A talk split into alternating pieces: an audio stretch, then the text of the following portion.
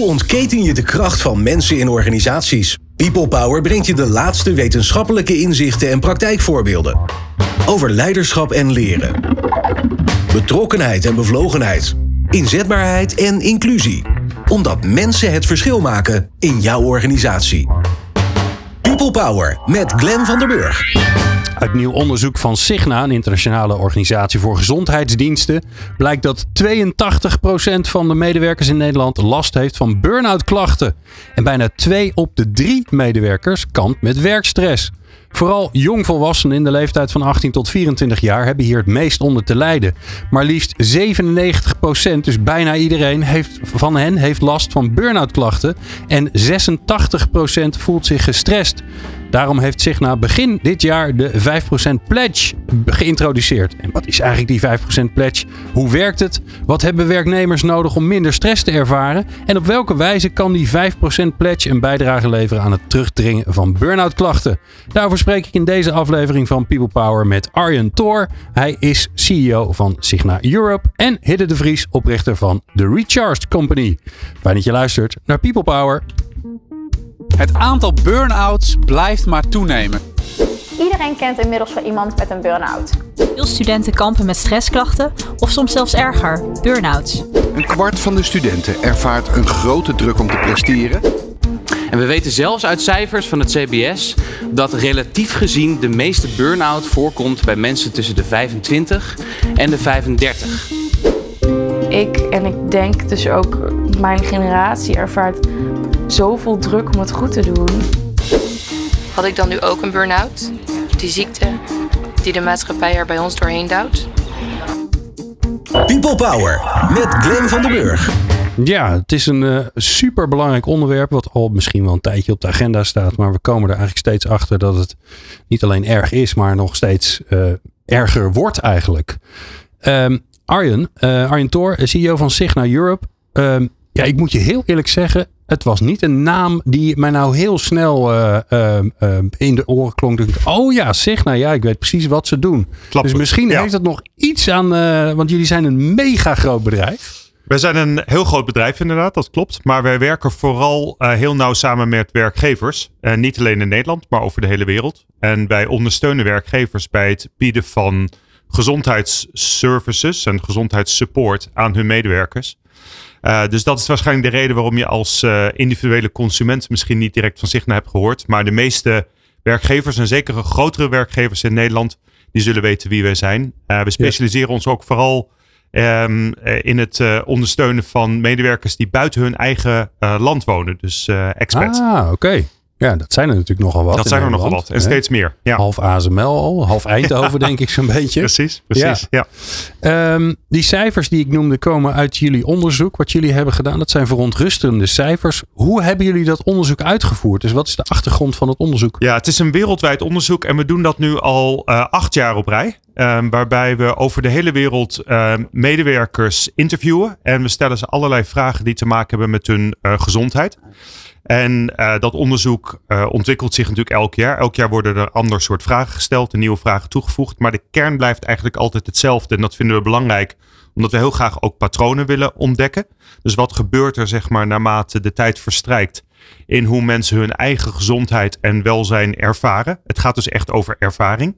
Dit is niet een medisch onderzoek, dus we gaan niet op zoek naar medische feiten. We gaan uh, op zoek naar perceptie. Ja. En we willen heel graag weten hoe medewerkers hun eigen gezondheidssituatie ervaren. Um, en daarin zien we dus nadrukkelijk een aantal vrij zorgwekkende trends over de afgelopen acht jaar. Ik zei, we doen dat onderzoek wereldwijd. Dus dat betekent ook dat we in staat zijn om landen met elkaar te vergelijken. En trends per land ook uh, naast elkaar te kunnen leggen. Mm -hmm. En kan je dan zeggen dat het in Nederland is zoals uh, in de rest van de wereld? Of moeten we ons hier nog ernstige zorgen maken? Nou, er zijn, er zijn wel verschillen. Ik denk dat er in grote lijnen is er wel een, uh, een patroon zichtbaar waarin Nederland zich niet noodzakelijkwijs heel erg onderscheidt van uh, andere landen in de wereld. Maar je ziet zeker als het gaat om geestelijke gezondheid, dan zie je wel vrij grote verschillen. En het heeft onder andere te maken met cultuur. In sommige culturen is geestelijke gezondheid niet iets waar mensen makkelijk over praten of waar ze makkelijk uiting aan geven. Dat zie je bijvoorbeeld in Azië, dat zie je ook vrij sterk in het Midden-Oosten. Terwijl we in Europa gelukkig ehm, eh, het steeds makkelijker vinden om daar met elkaar openlijk over te spreken. Dus daar zie je dan waarschijnlijk ook een wat hoger percentage van mensen die openlijk bereid is aan te geven dat ze last hebben van, eh, van mentale klachten. Oké, maar je ziet, want dit, dit, een van de vraagstukken van dit, dit onderwerp is natuurlijk ook dat het, ja, dat het niet zo makkelijk is om erover te praten, Ja. om te zeggen. hè, Want het gaat over emoties, het gaat over hoe je je voelt. eh, eh, zeker, nou ja, in Nederland, hè, heel veel mensen waarbij het ogenschijnlijk goed zou gaan aan de bui- buitenkant. Hè, leuke baan, leuke vrouw, eh, of leuke kinderen. En, en ja, en dan moet je gaan zeggen van ja, maar toch ben ik niet oké. Ja. Dat, is, dat maakt het volgens mij heel complex, heel ingewikkeld. Dat, dat maakt het heel complex. En hè, wat ik net ook zei, het is relatief ten opzichte van andere landen. Dat wil niet zeggen dat we het in Nederland heel goed voor elkaar hebben. Want ook hier heerst er nog steeds een, een taboe op het bes- openlijk bespreken van ehm, ja, st- eh, stress en mental health related eh, problemen. Ja. Dus daar, eh, daar is nog een hoop werk aan de winkel. Want ik ben ervan overtuigd dat de eerste stap naar het oplossen van dit probleem is het bespreekbaar maken van het probleem. Daar openlijk met elkaar het gesprek over aangaan.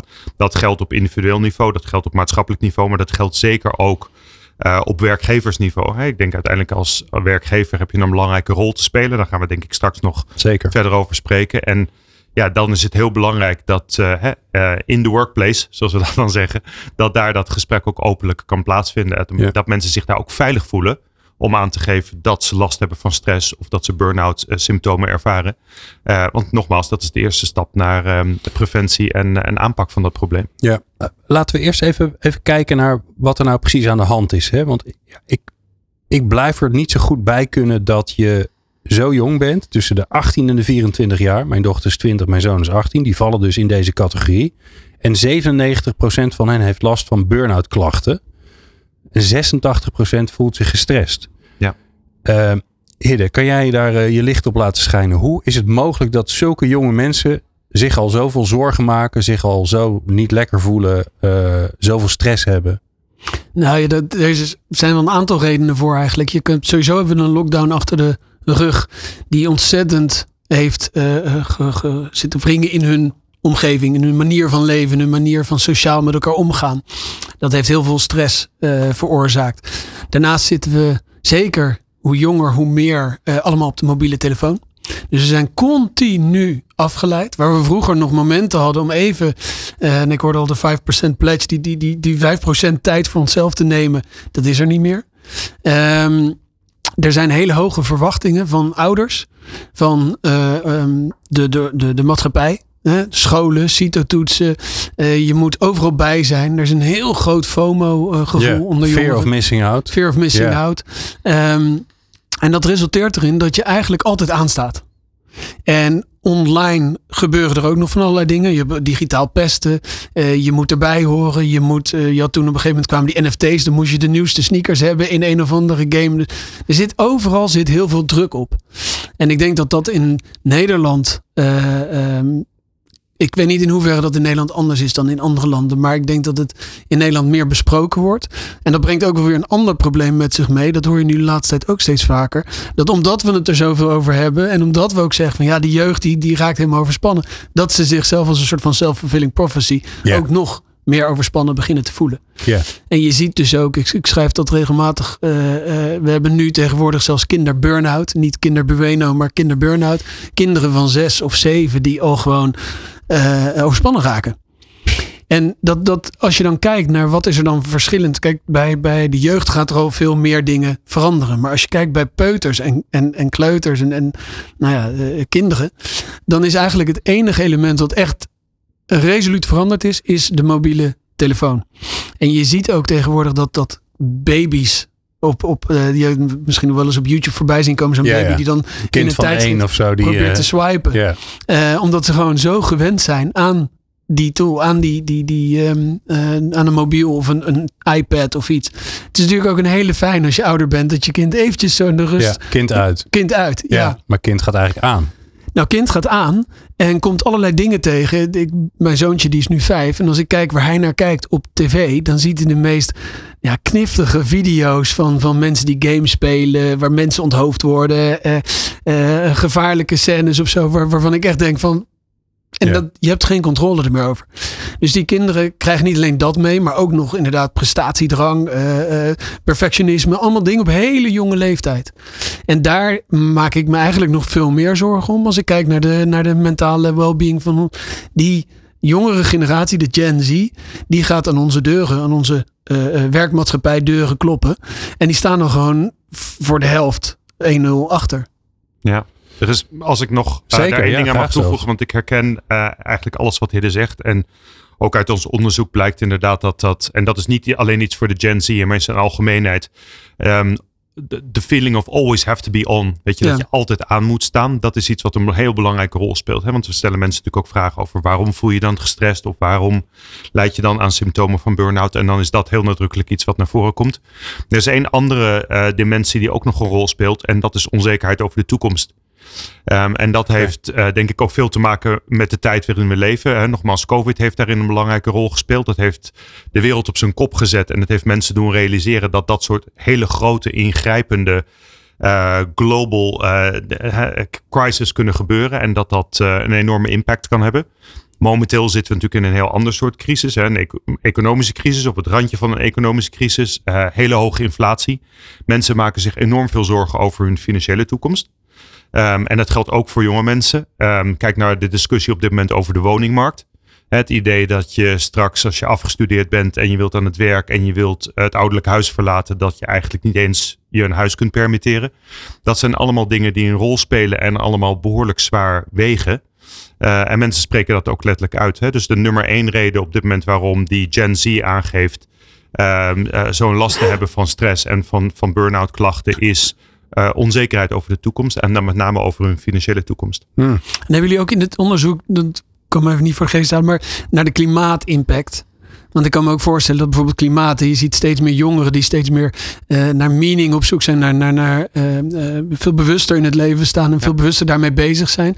En als je nu hoort wat er met het klimaat gebeurt en ja, alles, daar word je niet blij van. Nee, en het is zo groot dat je kan daar ook niks aan doen. Dus het is een soort van het overkomt je. En als je machteloos wordt, ik zeg altijd, we krijgen het steeds drukker, we gaan er steeds minder goed mee om.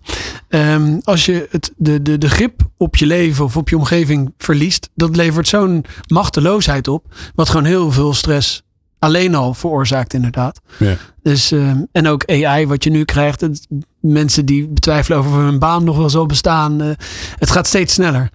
Dus daar zit gewoon heel veel stress aan eh Ja. meegbaar. Gaat Ja, want meegepaard. eh, wat grappig dat je dat zegt, Hidde. Dat, dat er een soort onderliggende systemen eigenlijk zijn die ervoor zorgen dat je je ehm, gestrest voelt. Dat je richting die burn-out aan het gaan bent. Eh, zoals onzekerheid over de toekomst. Dat is natuurlijk een groter geheel eigenlijk dan... Ja, heb ik mijn baan nog wel of niet? Dit gaat nog even wat verder. ja. Wat zijn er andere van dat soort dingen waar je, eh, waar je, waar je rekening mee moet houden? Dat altijd aanstaan is eigenlijk ook een soort van bijna systeem van ja, dat, dat past niet bij hoe je als mens werkt. Dus je kunt niet altijd aanstaan. Je, hebt, je, moet ook, je moet ook rust, je moet ook verveling. Dat heb je nodig Ja. blijkbaar. Ja, wij zeggen altijd, je werkt niet te hard, je recharge te weinig. Je neemt te weinig tijd om even weer eh, eh, pas op te plaatsen. Reflecteren, gaat het goed? Eh, hoe verbind ik me met jullie? En als je kijkt naar, naar de, de, de achterliggende gedachten, moet het gewoon terugbrengen naar ons als mens. Wij hebben een brein gekregen wat vanuit de, de, de, de toendra's, hoe noem je de, de, de jaren geleden eh, eh, ons in staat heeft gesteld om te overleven. Om signalen af te geven dat als het onzeker is, de situatie waar we ons in bevinden, als er gevaar dreigt, eh, om daarop te reageren. Nou, dat brein werkt in de basis nog steeds hetzelfde. Dus als wij grote gevaren zijn, dat er een, een, een klimaatverandering is, als er onze baan op het spel staat, als wij niet zeker weten of we veilig zijn, of we vertrouwen hebben, Of we het wel goed doen. of we het goed doen, Ja. dan krijg je dus automatisch dat je brein daarop gaat reageren. En op het moment dat we zo'n FOMO, die fear of missing out, dan is jouw brein dus bezig in een soort van overlevingsstand van als ik daar niet bij ben, wat betekent dat voor mij? Wat betekent dat voor mijn persoon? En ehm, dat, dat blijft continu stress geven. En dat zie je nu steeds meer in die maatschappij. De, heel simpel bijvoorbeeld, kijk naar Instagram. De mensen die dan een keertje braaf op tijd in bed liggen. Wat gaan die doen? Die gaan nog even door hun telefoon Ja, ja, scrollen. ja. En die zien opeens, hé, hey, maar Glenn die staat nog een uitzending te geven. Zeker, ik ben onwijs leuk bezig. Die is, ja. die is lekker bezig. En Ja. Arjen die zit nog op een feest en ik Ja. lig in mijn bed. En, legt eh, saai je bed, sukkel. ja, maar dat, dat gevoel krijg je. Dus je wordt al dan een beetje met je goede bedoelingen. Het is zo moeilijk om die, die, die ehm, verantwoordelijkheid en, en zelfeigenaarschap, zeg maar, eh, goed mee te geven. En zeker aan jongere generaties. Kijk, hoe ouder je wordt, des te beter je kan realiseren van... A, ik zet die telefoon lekker uit. Ja. Ehm, en B, nou, het zal wel een herhaling zijn. Glenn die heeft dit eh, eerder opgenomen. ligt al lang in zijn Die bed, ligt al lang in zijn bed. Ja. Of eh, eh, dit is weer een filmpje van gisteren. Ja.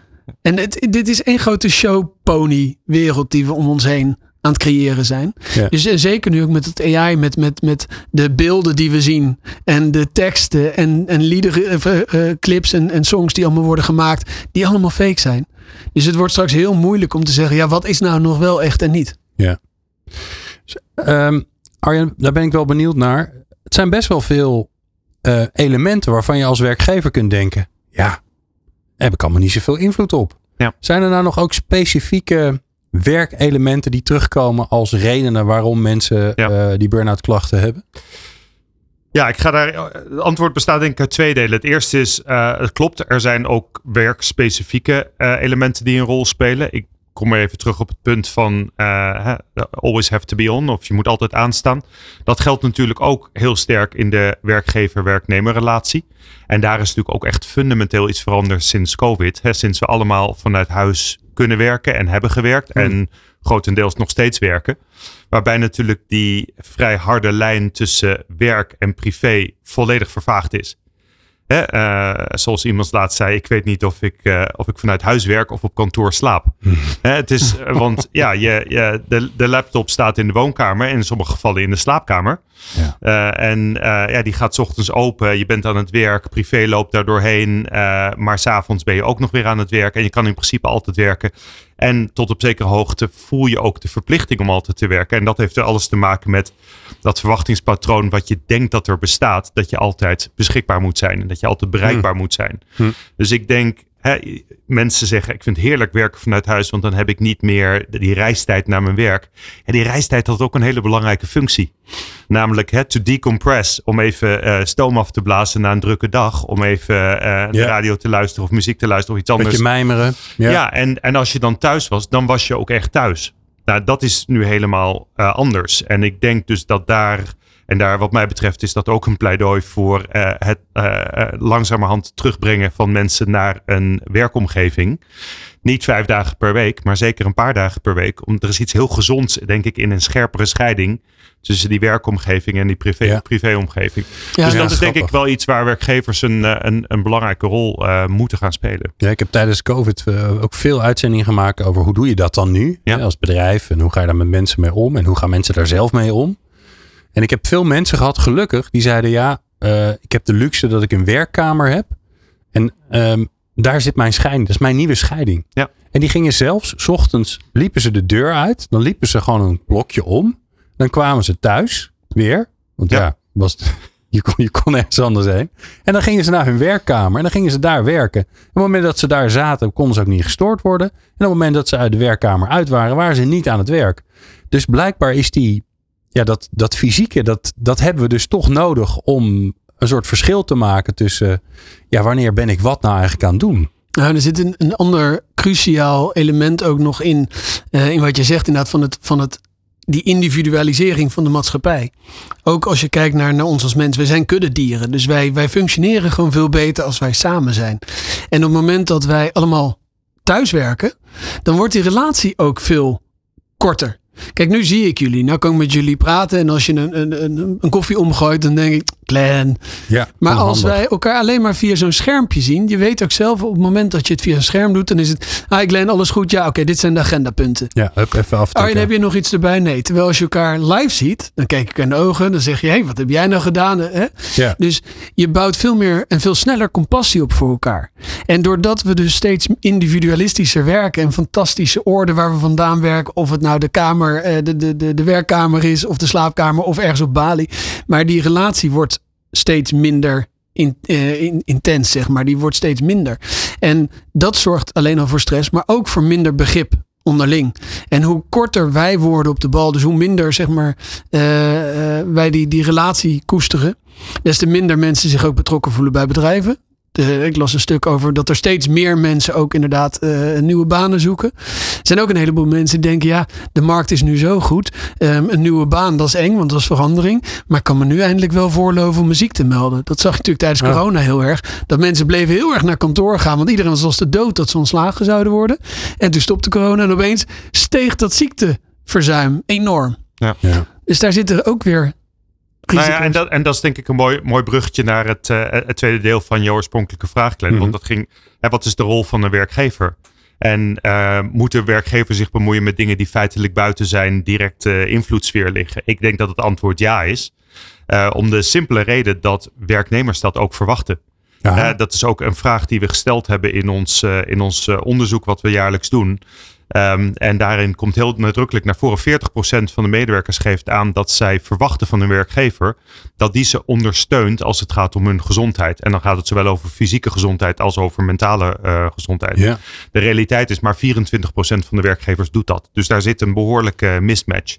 En zeker in deze tijd waarin we inderdaad te maken hebben met een war on talent en medewerkers in principe werkgevers voor het uitkiezen hebben. Ja, eh, denk ik dat je Ja, als ligt werkgever. daar een kans eh, daar ligt een enorme kans, want daar kan je je positief in onderscheiden. Ehm, en we zien het ook, hè, als je eh, mensen vraagt wat zijn de belangrijkste redenen waarom je werkt waar je werkt, of de criteria die je gebruikt om een keus te maken waar je wilt gaan werken. Ja, traditioneel stond altijd salaris, Salaris, en dat ja. soort dingen stond op één. Dat staat nu op nummer zeven. Wil niet zeggen dat geld niet meer belangrijk is. En natuurlijk, en zeker in een tijd van hoge inflatie, hè, moet de werkgever netjes betalen. Maar op 1 en 2 en 3 staat flexibiliteit, goede ondersteuning eh, en met name gezond, op het gebied van gezondheid en welzijn. Hm. De juiste ondersteuning van je werkgever. En dat is een heel breed eh, scala aan, aan eh, elementen wat daarin zit. Waaronder zeg maar die sociale interactie en die sociale connectie. Hè, waar jij het net over had. Die dus eh, mensen echt missen omdat ze eh, vanuit Ja. huis werken. En eigenlijk is het, is het, ik krijg hem heel vaak, ja, hoe, ver- hoe, hoe, hoe ver moet je nou gaan als werkgever om je personeel te, te je, je medewerkers te, ja, te, te, te ondersteunen hierin? En ik vind het eigenlijk een hele domme vraag. Want als je kijkt naar het gemiddelde bedrijf, dan heb je het over de mensen. Hè? Je noemde net al HRM, eh, Human Resources. Maar het zijn geen resources, het is je kapitaal. Het is human capital. Het is ehm, eh, human relations. Het gaat, die mensen zijn het duurste onderdeel van je bedrijf. Dan is het toch een hele domme vraag eigenlijk van ja, Hoe ver moet ik gaan? hoe ver moet ik gaan? Ja, eh, to the moon and back. Want als jij de goede mensen binnenhaalt en die, die voelen zich lekker en die gaan daarover praten en die zitten goed in hun, vo- in hun vel, dan trek je nog meer goede mensen aan. Maar als jij erbij zit van ja, hoe ver moet ik daar nou in gaan? Het is allemaal wel, ja, dan gaan die mensen zich ook zo gedragen. Ja. En dan trek je ook alleen maar crappy mensen aan. Ja, dat zeg je ook niet bij je familie of je kinderen, toch? Dus eh, ja, je moet gewoon ver gaan. En hoe ver je moet gaan, of sterker nog, wat je dan precies moet doen, dat hoor je zo. Experts en wetenschappers over de kracht van mensen in organisaties. People Power. Arjen Thor van eh, Signa Europe en eh, Hidde de Vries van The Recharge Company eh, zijn in de studio. We praten over eh, ja, mental well-being of geestelijke gezondheid. Het is een beetje welk taalgebied je het fijnst vindt om te horen. Eh, nou, we hebben een probleem. Dat hebben we net vastgesteld met z'n drieën. Eh, en daar ligt veel onderzoek onder. Heel veel onderzoek natuurlijk. Zeker ook door Signa Europe gedaan. Wil je daar meer overigens over weten, dan kan je dat vast wel vinden, hè Arjen? Dat hele mooie Zeker, onderzoek. ja, het staat allemaal online. Op de website van Signa. Zeker. Ja, dus dat is met een Cornelis, hè? C- C-I-G-N-A. Ja, is. .com, denk ik, toch? ja. Ja, groot internationaal bedrijf, dus dan ben je een punt .com. Oké, de grote vraag is natuurlijk nu, je bent eh, eh, werkgever, of misschien nog specifieker, je bent leidinggevende, of misschien nog specifieker, je bent HRM-professional en je denkt, ja, ik herken dit wel, dit hebben wij ook. Wat te doen? Dus ja, we hadden het er net al even over, hè, hoe ver moet je gaan? Eh, nou, ver, to the moon and back, want eh, je hebt je mensen heel hard nodig, want zonder hen ben je niks. Eh, daar zijn we ondertussen wel achter na 522 afleveringen People Power. Dus wat, wat moet je gaan doen? Arjen, wat zou, je- wat zou jij doen? Nou, eh, wat zou ik doen? Wat doen wij? Want we proberen natuurlijk als Signa ook Ja, je het goede voorbeeld ja, te ja, geven. dat- en we daarom. hebben een, in Europa meer dan 2000 eh, collega's die door heel Europa werken. Uh, een van de belangrijkste dingen, denk ik, aan de start van zo'n proces is um, diagnose. Je moet goed begrijpen wat het daadwerkelijke issue is waar je mee te maken hebt. Uh, we, we, hebben het natuurlijk net gehad over een aantal zorgwekkende statistieken rondom uh, mental health en burn-out. Um, maar dat is nog steeds heel generiek. Hè? Dan kan je ja. zeggen, oké, okay, 79% of 97% van de, uh, van de mensen in een bepaalde leeftijdscategorie leidt aan burn-out uh, of heeft last van burn-out symptomen. Maar wat zit daar dan precies achter? En wa waarom is dat zo? Dus wij adviseren eigenlijk alle werkgevers waar we mee samenwerken. En dat hebben we ook in onze eigen organisatie uh, gedaan. Om een heel uh, gedetailleerd beeld te creëren van wat er werkelijk in de organisatie aan de hand is. Wij noemen dat de Health Risk Assessment. Okay. Dus dat is eigenlijk een heel gedetailleerde vragenlijst die je uitstuurt uh, naar al je medewerkers. waarin je ze uitlegt waarom je dat doet. Waarom het belangrijk is om goed te snappen wat er werkelijk in de organisatie aan de hand is. En dat gaat je een heleboel hele goede informatie geven op basis waarvan je dan hele gerichte acties kunt gaan inzetten. Want en anders hoe zorg je, toch... je ervoor dat mensen echt eerlijk antwoord gaan geven? Want ja. dit, dat, dan nou, kom je weer op dat probleem van ja, dit is een gevoelig onderwerp. Klopt. Nou, ik denk twee dingen. Om te beginnen moet je denk ik heel erg sterk benadrukken dat de informatie uh, anoniem uh, is en blijft. Ja. Uh, je bent uiteindelijk niet op zoek naar individuele uh, casuïstiek. Hè. Je bent op zoek naar patronen. Je bent op zoek naar trends. Je wilt begrijpen wat root causes zijn, zodat je daar, daar ook daadwerkelijk actie op kunt ondernemen. Um, als je weet dat zoiets gevoelig ligt in de organisatie, mensen maken zich daar toch zorgen over, kan je dat ook uitbesteden. Er zijn heel veel partijen. Uh, wij hebben zelf ook een health risk assessment die we uh, beschikbaar maken voor bedrijven waar, en organisaties waar we mee samenwerken. maar er zijn ook heel veel andere partijen die dat doen. En dat kan een goede manier zijn om mensen gerust te stellen van oké, het is niet mijn werkgever ja. die deze informatie gaat ontvangen. Het is een derde partij. En die gaat uiteindelijk alleen een generiek beeld terugspelen aan mijn werkgever.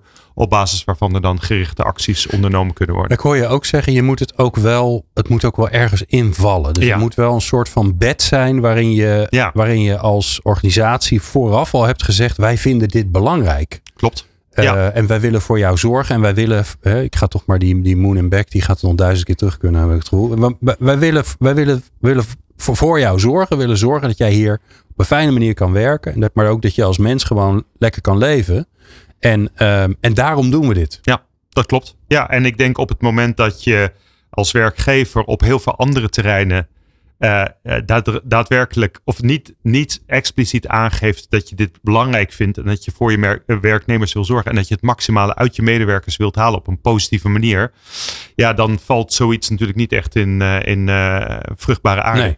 Dus het is ongelooflijk belangrijk om consequent te zijn. En daarom is leiderschap ook zo belangrijk. Hè? Want dit start vanaf de top. En dit start met uh, hoe leiders zichzelf gedragen. Ja. En als die uh, daarin het goede voorbeeld geven. Dan denk ik dat de rest van de organisatie uh, daarin mee zal gaan. Oké, okay. dus we gaan eerst, eerst een... we gaan naar de dokter als organisatie. Ja. We doen eerst even wat, wat onderzoek en we maken wat foto's. Even door de CT-scan en MRI en de hele works. En dan hebben we een beeld van wat er aan de hand zou kunnen zijn. Hidde, wat gaan we nog meer doen? Nou, ik wil hem eigenlijk zelfs nog omdraaien, want ik denk dat inderdaad die analyse is het belangrijkst. Um, het was een mooi onderzoek van Deloitte een tijdje terug dat, dat ik geloof van de CEO's uh, 80% denkt dat ze genoeg mooie dingen aanbieden en uh, van het personeel geloof ik 30% of oh, zoiets. Uh, yeah. um, voordat je die enquête gaat doen, wil je eigenlijk al dat het leiderschapsteam zich kwetsbaar opstelt. Als het ware van jongens, we zien dat er een probleem is. Uh, we willen hierin met z'n allen een oplossing vinden. Want wat je heel vaak ziet is dan komt er inderdaad een enquête. En hebben mensen iets, ja het zal wel. Ik heb al zoveel meegemaakt. Ik heb het al zo vaak gezien. Dus ik denk dat, dat die eerste stap echt wat je zegt voor dat leiderschapteam. Dat, dat die laat zien, jongens, dit is echt belangrijk. We zien wat er gebeurt. We hear you. We gaan hier wat aan doen. En we hebben partijen, Signa, partij X, die eh, gaat die enquête uitzetten. En op basis daarvan gaan we kijken wat we, welke initiatieven we gaan doen. Hm. Um, dat scheelt heel erg per, per organisatie. En uh, de, de grote misvatting die vaak in het, in het leadership team uh, uh, leeft, is dat nou dan doen we zo'n enquête en dan, dan gooien we er wat initiatieven in en dan komt het wel goed. Weet je, ik ja, dan is het van de agenda af. Dan is nou, dit is heel vaak omdat ja. um, we hebben het ook over iets wat niet volledig meetbaar is. Als wij ergens een, een wellbeing programma organiseren, dan kun je niet zeggen, oh, dus daarom gaat het ziekteverzuim naar beneden. Want er zijn altijd uh, andere omstandigheden die erop inspelen. Als iemand met burn-out het bedrijf verlaat, dan veranderen die cijfers alweer. En een heel simpel voorbeeld te geven. Dus en, en voor de ene organisatie kan mindfulness enorm helpen, maar voor een andere organisatie niet. Wat, wat denk ik heel erg belangrijk is, is gaan kijken wat zijn er die root causes? Waarom is het bij ons zo? Um, en gaat daar inderdaad well-being bij helpen? Of moeten we veel beter gaan communiceren met z'n allen? Of moeten we uh, inderdaad vaker de tijd nemen voor elkaar? Moeten we, dus, dus zo is het heel erg afhankelijk van wat daar dan uitkomt. Om op basis daarvan te gaan kijken van ja, oké, wat gaan we dan aanbieden? En is dat ook het gevaar dat dit, dat dit zeg maar op een lijstje komt? Ja. Dat er vervolgens inderdaad een onderzoek wordt gedaan. Nou, hartstikke goed. Dat er vervolgens wordt gezegd, ja, dat is niet goed. Daar moeten we wat aan doen. En vervolgens wordt er ergens een bedrijf met alle respect naar binnen gehaald. Die inderdaad een leuk programma doet. En er wordt inderdaad een yogaruimte ingericht. En uh, nou ja, ik zie het ook langskomen bij allerlei bedrijven. Beetje, beetje het standaardpakket. Ja. En uiteindelijk verandert er niet echt iets. Nou ja, dat, dat is wat je heel vaak ziet. Op, op, dat was nog het laatste stuk van, van, op, op websites van, van aanbieders en zo. Ziekteverzuim gaat zoveel omlaag. Mensen oh, hebben zoveel beter. Ja. Allerlei beloftes die feitelijk per organisatie verschillen. Omdat de mensen anders zijn. Ja. En dan denk je, nou weet je, we doen een well-being programma. En dan, uh, nou dat wordt dan met veel gejuich wordt dat uh, binnengehaald. Of, of vitaliteitsprogramma. Dat is meestal door, de, door, de, door het leiderschap naar beneden. Dus heel de term vital, vitaliteit is daarmee al uh, um, besmet. besmet. Ja. En hetzelfde als meditatie, uh, mindfulness, yoga, vitaliteit. Dat zijn van die termen. Als je het doet, dan weet je al wat het voor je doet. Maar als je het niet doet, als het iets zweverigs is, dan ga je het ook echt niet doen. Dan zie je het ook echt niet als een cadeautje of als een kans om het beter te maken met z'n allen. Yeah. Dus we zijn heel erg er wordt heel vaak gezocht naar een soort van standaard oplossing. Een soort tik in de box. En dan kunnen we daarna wel weer door. En dan moeten we weer terug ja. naar de uh, dagelijkse gang van zaken. En vooral doorgaan. Nou ja, maar het klinkt ook, Arjen, het klinkt ook als een soort pleisters, hè? Want dan, dan terwijl natuurlijk de basis inderdaad veel meer ligt in, oké jongens, misschien moeten we um, um, na vijf uur geen mailtjes meer sturen.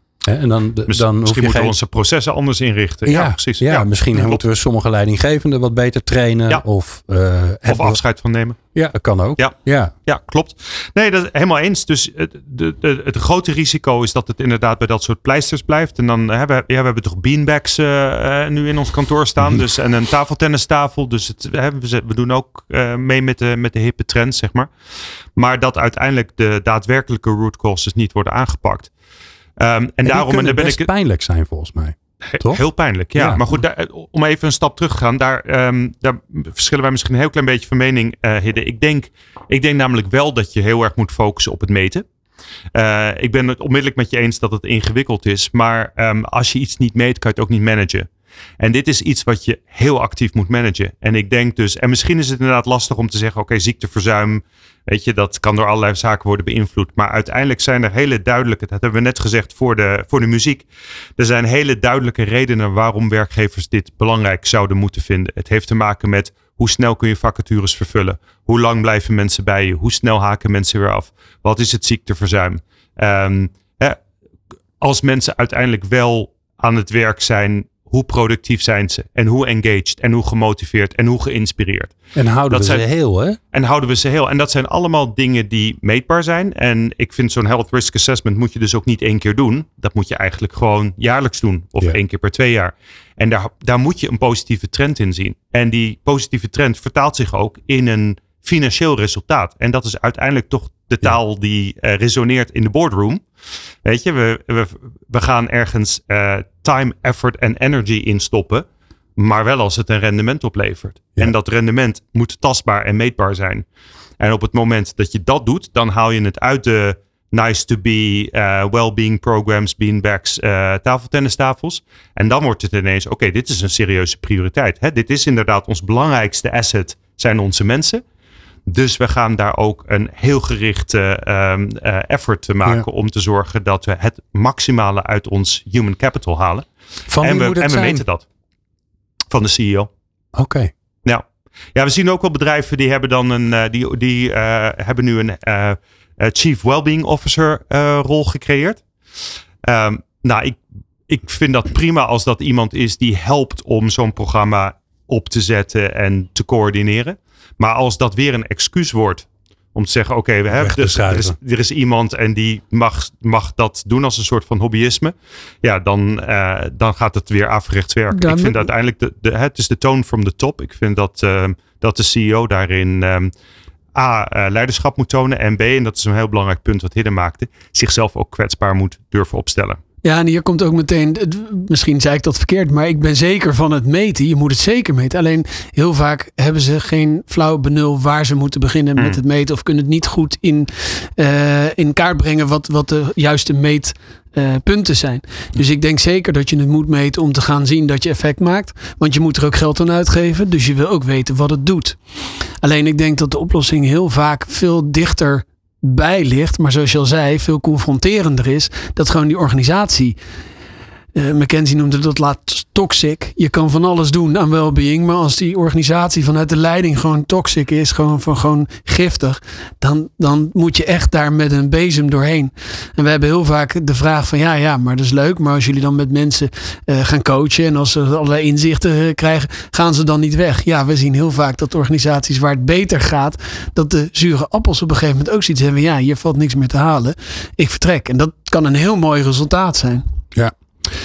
Nou, we hebben het al een paar keer gehad over uh, de leiders, de toon at de top, waar het goede voorbeeld gegeven moet worden, uh, de kwetsbaar opstellen. Dus daar gaan we het straks uh, in het laatste blokje over hebben. Van ja, wat moet die, wat, moet die CEO of die directeur, wat moet hij dan eigenlijk doen? En dat hoor je zo. Hoe ontketen je de kracht van mensen in organisaties? People Power. People Power. Arjen Thor van Signa Europe en eh, Hidde de Vries eh, van de Recharge Company in de studio praten over uh, mental well-being, geestelijke gezondheid van medewerkers, burn-out voorkomen, stress verlagen, allemaal ongelooflijk belangrijke dingen. Ja, het is niet voor niks dat toen we het gingen hebben over wat kan er nou aan gedaan worden, dat de, de leiders van de organisatie heel veel langskwamen. Um, Arjen, wat, ja, laten we die leiders maar eens even gaan helpen. Wat, wat zouden ze moeten gaan doen? Ja, wij hebben recentelijk een initiatief gelanceerd dat heet uh, 5% Pledge. Uh, en dat oh, is echt ja. een pledge. pledge. Die moeten ja. we even spannend vertalen. Ja, kun, je die überhaupt vertalen? Ja, uh, belofte, belofte uh, mm. um, intentie. Ja. Um, maar het is wel iets sterker dan alleen een intentie natuurlijk. Ja. Dus het is lastig om er een goed Nederlands woord voor te vinden. Maar hopelijk, pledge. ja, hopelijk begrijpt iedereen wat we, wat we daarmee bedoelen. Waar het, waar het om gaat is eigenlijk een oproep aan leiders in organisaties om uh, tenminste 5% van hun uh, werktijd te besteden aan het adresseren van mental health issues uh, in hun eigen organisatie. Um, en we hebben dat initiatief gelanceerd omdat we heel sterk het gevoel hadden dat heel veel organisaties hier mee worstelen. Dat heel veel organisaties weten dat er een probleem is, weten dat ze iets uh, moeten doen, maar niet precies weten waar ze moeten beginnen. Mm -hmm. um, en wij denken, en dat is eigenlijk waar we het net ook met elkaar al over hadden, dat het ongelooflijk belangrijk is dat leiders zich expliciet uitspreken dat dit voor hen belangrijk is. Waarom? A, omdat uh, dat is de tone from the top. Hè? Dus dat, dat resoneert in de uh, gehele organisatie. Yeah. Het creëert een omgeving waarin medewerkers zich ook veilig voelen om dit onderwerp bespreekbaar te maken en aan te geven dat ze zelf ook worstelen met uh, mental health issues of met burn-out. Uh, wat nogmaals de eerste belangrijke stap is naar het uh, aanpakken en het oplossen van het probleem. Maar uiteraard moet het niet alleen blijven bij het uitspreken van dat dit belangrijk is, maar er moet ook daadwerkelijk actie volgen. En daar is die 5% heel belangrijk voor, want daarmee committeer je als leider ook aan het daadwerkelijk allokeren van tijd van jezelf, maar ook van andere leiders in, in jouw organisatie. Uh, om die actie uh, te gaan ondernemen. En ja. te zorgen dat dit probleem serieus wordt aangepakt. En als je ze dan mag adviseren, hè, jullie mogen nu even. Stel je voor, er luistert een leider en die denkt bij zichzelf: ja, eigenlijk is dat gewoon wel waar. Als ik dit nou belangrijk vind en mijn mensen zijn heel belangrijk en ik, ik, ik maak me zorgen over dit onderwerp. Dus dan moet ik er ook tijd aan gaan besteden. Nou, 5% van mijn tijd. Hopelijk werken ze 40 uur. Maar ik ben bang dat de meeste meer werken. Doe dit overigens niet. Heeft totaal geen zin. 40 uur is meer dan genoeg per week. Uh, maar 5% daarvan, even kijken, dat is 2 uur per week. Ja, dat is niet te veel gevraagd, toch? Dat, nou, dan zou je zeggen, nou, dat moet kunnen. Ja. Um, hoe zou je die twee uur per week nou invullen? Wat ga je doen in die twee uur per week om ervoor te zorgen dat je dit dat je, ja, dat je je collega's eigenlijk helpt met, uh, nou, met het bespreekbaar maken. Dat ze zich gaan uitspreken over hoe ze zich voelen. Um, uh, maar ook dat er alleen initiatieven genomen worden om er hier aan te werken. Nou, Ik heb twee experts zitten. Uh, adviseer mij maar even als leider. Twee uur per week. Wat ga ik doen? Nee, ja, je, je kan ook hier weer alle kanten op. Maar het kan zo simpel zijn als met z'n allen uh, 20 minuten per dag nemen om naar buiten te gaan. Om een rondje te lopen. Nou, dan heb je mooi die twee uur uh, ingevuld van de week. Maar je kan het ook gebruiken om groepjes te vormen die samen initiatieven gaan bespreken. Die mogelijk zouden zijn. Je kan het gebruiken om de vrijdagmiddag eerder te stoppen met z'n allen. Um, met, ik denk dat het belangrijkste is, even los van de invulling, is dat je, je gaat het heel positief belichten. En wat we in onze maatschappij heel erg doen, is we zijn heel erg aan het kijken naar, naar preventie. He, de, de, die, die 15, 20 procent waar het echt slecht mee gaat, die, die gaan we waarschuwen. En we gaan iedereen uh, uh, waarschuwen hoe ze het goed moeten doen. Dus je bent heel erg bezig met dat negatieve beeld. Hm. En ik denk dat een initiatief zoals de, de 5% pledge heel erg juist de positieve kant benadert. En, en ook een, een CEO die zegt: jongens, ik weet het nog niet precies hoe we het gaan invullen, maar dit is een eerste stap. En deze 5%, laten we nou eens allemaal dit gaan uh, omarmen de komende tijd. En dan hoor ik van jullie wel wat voor een initiatief hier uitkomen en waar jullie meer behoefte hebben. Je geeft op een veel positievere manier die insteek van jongens, hè, we gaan hier wat mee doen. Ja, maar grappig dat je die, die, die, die wandeling noemt. Hè? Want dat is natuurlijk een mooi voorbeeld. Wat iets heel praktisch is. Het kost geen geld. Effect. Ik heb er wel studies over gelezen. Wat een wandelingetje midden op je werkdag. Wat dat eigenlijk allemaal voor je, doet. En, ja. Dat is niet normaal. Um, maar dat, dat betekent dat, als je, dat je dus als leider die 20 minuten daadwerkelijk gaat wandelen. En ik denk um, dat de gemiddelde leider denkt: ja, maar wat gaat, dan, wat gaat dat nou voor effect hebben? Dan moeten we toch een wandel uh, feest organiseren. Dan moeten we iedereen leuke wandelschoenen geven. Of een, uh, of een kaart van de omgeving. Hè. Voordat je het weet, wordt er weer een heel programma opgetuigd. Um, Arjen, waarom is dat niet nodig? Waarom is het, is het genoeg als die leider zelf gewoon gaat wandelen? Ja, dat noemen ze in, uh, in mooi Nederlands weer de leadership shadow. Hè? Dat is uiteindelijk de, de schaduw die je als leider zeg maar, creëert. Uh, mensen zien dat. Het is zichtbaar hoe uh, leiders in een organisatie zich gedragen. En mensen spiegelen zich daaraan. Want uiteindelijk, uh, Ede heeft al iets eerder gezegd over hoe mensen zich gedragen en, en kijken naar elkaar. Nou, dat speelt natuurlijk in hiërarchische organisaties speelt dat heel sterk. Op het moment dat de leider zegt, ik, ik ben super druk, maar ik neem nu 20 minuten om een wandeling uh, te gaan maken, want ik vind dat belangrijk. En by the way, die 20 minuten zit je niet op je telefoon. Hè? dan ben je ook niet aan het hm. bellen, dan ben je echt even ja. 20 minuten... Uh, naar, de, naar de blaadjes kijken. ja, precies, disconnected. Um, ja, dan, dan zullen andere mensen denken: hé, hey, dat is dus oké. Het is dus oké om dat gedrag te vertonen. Sterker nog, dat wordt kennelijk uh, gewaardeerd, want leiders doen het ook. Ik denk dat dat super belangrijk is. Weet je, op het moment dat jij als, uh, als CEO of business leader met je gymbag in, uh, aan het begin van de lunchtijd zichtbaar je kantoor uitloopt, omdat je naar de gym gaat, dat heeft een ongelofelijke impact. Dat mensen onderschatten dat enorm. Want dan, oh, nogmaals, daarmee wordt een bepaalde toon gezet. daarmee wordt een bepaald voorbeeld gegeven. Yeah. Dus ik denk dat het inderdaad, uh, je hoeft dit soort dingen niet te over-engineeren. Je hoeft daar niet hele programma's omheen te bouwen. Het zijn vaak hele simpele dingen. Ja. Yeah. Um, ik, nog een paar andere voorbeelden ja, als ja, mag. graag um, zelfs. Uh, om misschien even dicht bij huis te houden. Ik gebruik onder andere mijn twee uur per week om um, recognition te doen. Dus ik gebruik die twee uur om heel bewust na te denken doe het vaak op vrijdagochtend. Ik heb het ook gewoon in mijn agenda staan. Um, wat zijn de gesprekken en de dingen die ik heb gedaan de afgelopen week met collega's waar ik uh, tevreden was, waar ik dankbaar was, waar ik onder de indruk was. Um, en we hebben binnen Signa een heel mooi recognition programma daarvoor met allerlei punten. Maar dat ook nogmaals, ook dat is helemaal niet nodig. Je kan ook gewoon even een briefje sturen of even een e-mailtje sturen. Zeg joh, ik, ik heb ons gesprek zeer op prijs gesteld. Of dank je wel dat je dit mooie initiatief hebt ondernomen. Of dankjewel dat je dit goede resultaat voor ons hebt uh, mm, gerealiseerd. Leuk. Dat is iets wat super simpel is. En nogmaals, wat, enorm, uh, wat een enorm positief uh, effect heeft. En ook dat is mental health. Weet je, ook dat gaat over hoe creëer je een sfeer en een cultuur in de organisatie. Waarbij we elkaars waardering voor elkaar uitspreken. durven en kunnen uitspreken. Ja. Ja, en wat wel interessant is, hè, want dat is een beetje het, uh, het uh, over de hoogste lat willen mhm. springen. Je geeft ook aan, dit was goed. Ja. Hè? ja. Dus de, want dat is natuurlijk, als mensen continu aan het bedenken zijn, ben ik wel goed genoeg? Ben ik wel goed genoeg? Dat is niet goed voor je stressniveau. En waar ik ook gelijk aan moet denken, um, is een onderzoek wat Martin Seligman, een bekende hoogleraar psychologie, heeft gedaan over dankbaarheid. dat ehm, dankbaarheid is fijn voor degene die het ontvangt. Maar het is misschien nog fijner voor degene die het geeft. Hè? Ja. Dus het is een soort double-edged sword. Een tweekantige, het mes snijdt aan twee kanten. Dus dat vind ik een hele mooie eraan. Hidde, heb jij er nog één? Daar hebben we nog net tijd voor. Ehm, de, de, ja, de dankbaarheid is sowieso een hele sterke. Maar überhaupt gewoon het gesprek aangaan met een collega die je nog niet kent of niet eerder hebt gesproken.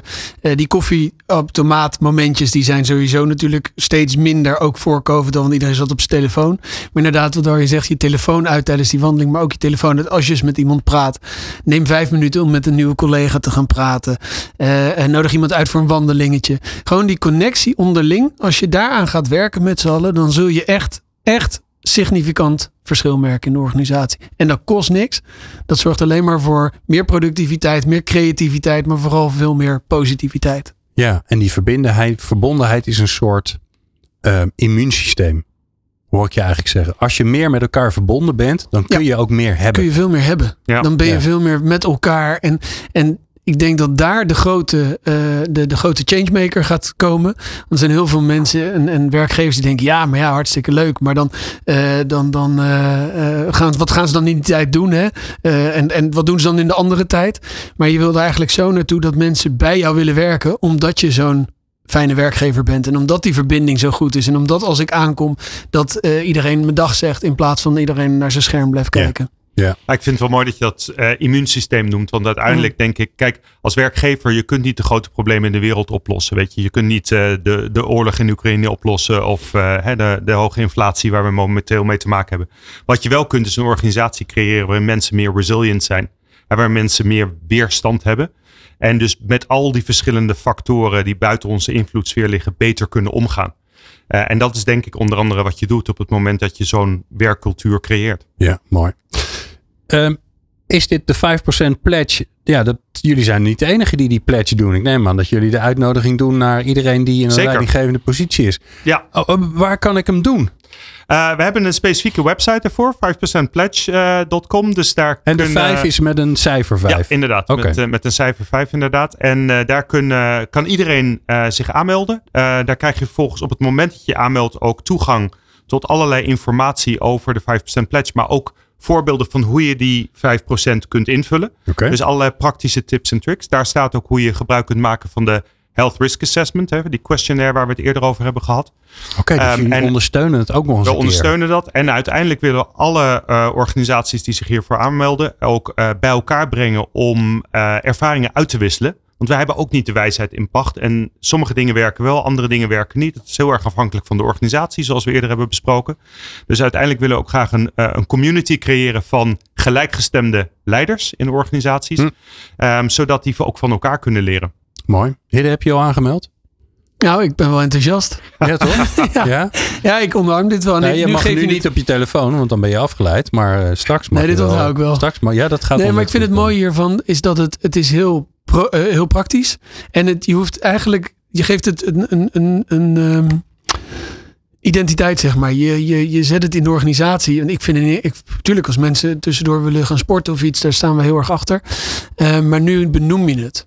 En dat geeft mensen een soort van houvast. En dat maakt het gewoon heel concreet voor mensen. Mooi. We hebben natuurlijk nooit genoeg tijd om dit allemaal te bespreken. Sterker nog, we zullen het er ongetwijfeld vaker over gaan hebben. Eh, maar voor nu, veel dank eh, voor alle inzichten en wijsheid. Uh, Arjen Thor, eh, CEO van Signa Europe. En Hidde de Vries, oprichter van The Recharge Company.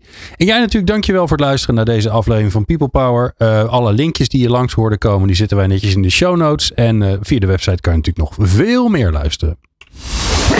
Meer afleveringen vind je op peoplepower.radio en jouw favoriete podcast app.